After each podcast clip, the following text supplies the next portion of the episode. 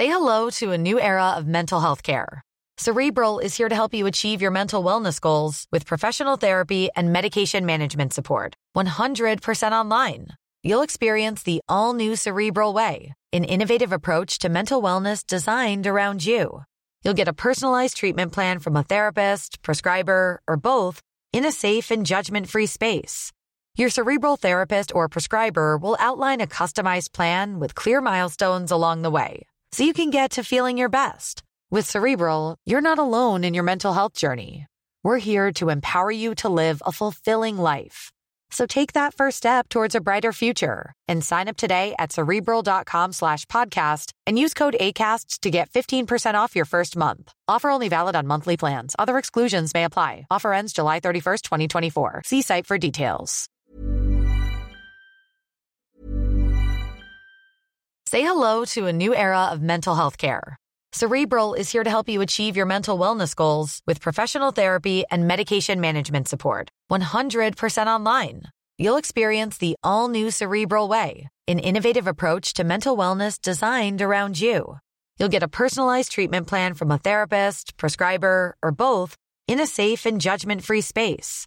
Your cerebral therapist or prescriber will outline a customized plan with clear milestones along the way so you can get to feeling your best. With Cerebral, you're not alone in your mental health journey. We're here to empower you to live a fulfilling life. So take that first step towards a brighter future and sign up today at cerebral.com slash podcast and use code ACAST to get 15% off your first month. Offer only valid on monthly plans. Other exclusions may apply. Offer ends July 31st, 2024. See site for details.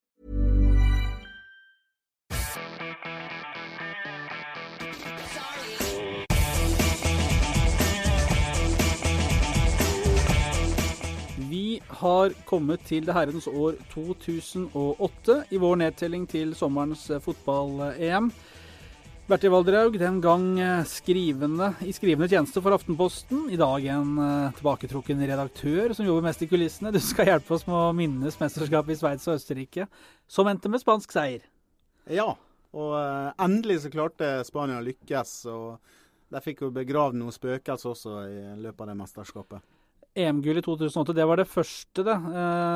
Den første store internasjonale tittelen siden de vant EM på hjemmebane i 1964, faktisk. Så det har vært noen magre år.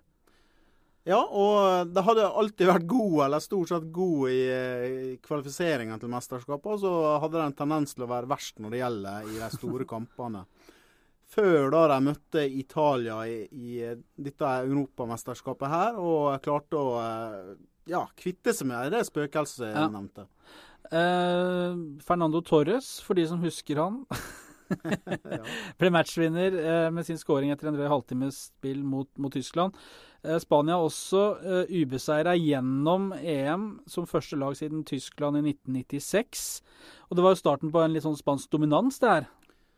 Ja, det var det. Og det, jeg, jeg, tror det snudde mye da de slo Italia på straffekonk, og mm. Iker Casillas redda to straffer i semifinalen mot Russland, som vi skal komme tilbake til litt seinere mm. her, eh, så var de helt suverene. I et øspøsende regnvær så vant de 3-0, og var da klar for finalen mot Tyskland.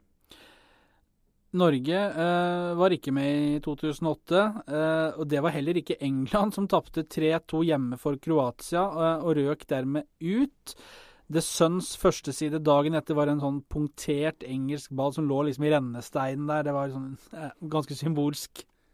Ja, det var det. Eh, og jeg tenker på, eh, Når du bruker sånne symbolske bilder, så tenker jeg først og fremst på den nederlandske totalfotballen. Mm. Fordi 442 hadde et stort oppslag om at uh, der de brukte uh, bilde av ei grav. En gravstein der det sto uh, 'Totalfotballen uh, døde i 2008'.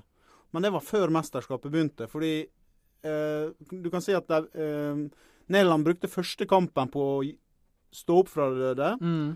De brukte den andre kampen på å uh, dra opp til himmelriket. og de brukte tredje kampen på å bevise at de var der. Og så skulle de møte Russland i kvartfinale.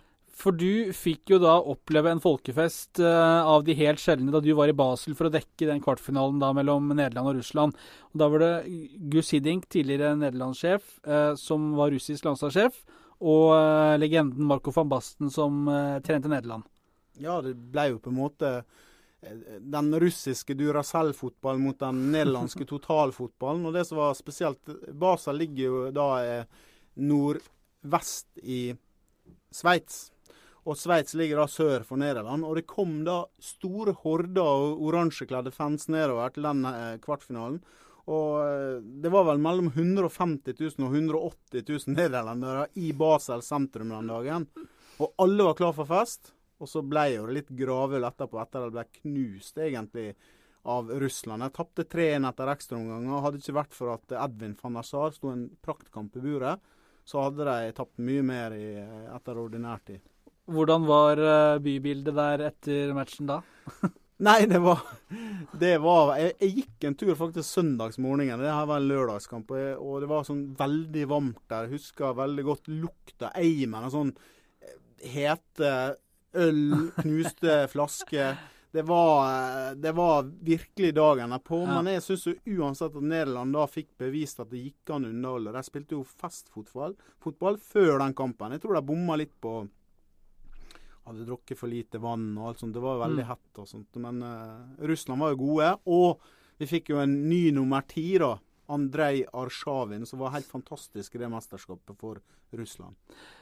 Uh, Portugal, uh, med da en 23 år gammel Cristiano Ronaldo på laget, skulle gi trener Luis Felipe Scolari en perfekt avskjedspresang med å gå langt.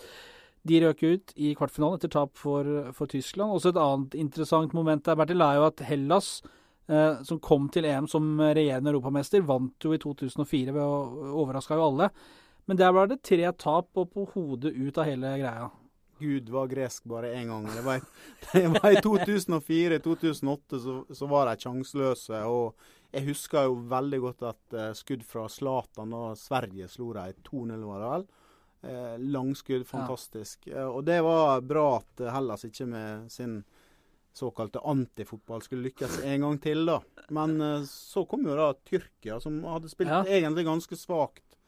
Men hele tida halvveis flaksa seg videre mm. til semifinalen mot Tyskland, og da var det veldig god. Mm. Da tapte de vel 3-2 etter at Philip Lam skåra eh, helt på slutten. Det, ja. var, det, var, en utrolig artig fotballkamp. Oh, Fotball er så herlig. Eh, noe annet du har eh, tatt fram fra minneboka fra EM i 2008? Ja, nei, for meg fra EM i 2008 så står den dagen, eller den helga i Basel med den kvartfinalen med den uh, oransje horde som det store høydepunktet. Så var det selvfølgelig artig, artig sånn sportslig at den tikka takka-fotballen til uh, Spania endelig, endelig, lyktes. Og så var det starten på um, storhetstida til Spania med tre tre gull etter hverandre. Og det var jo artig å følge Spania sin måte å spille fotball på. Det satte standarden for mm. flere år framover. Tusen takk for hjelpen, Bertil. Eh, neste stopp på vår eh, EM-reise er Polen og Ukraina.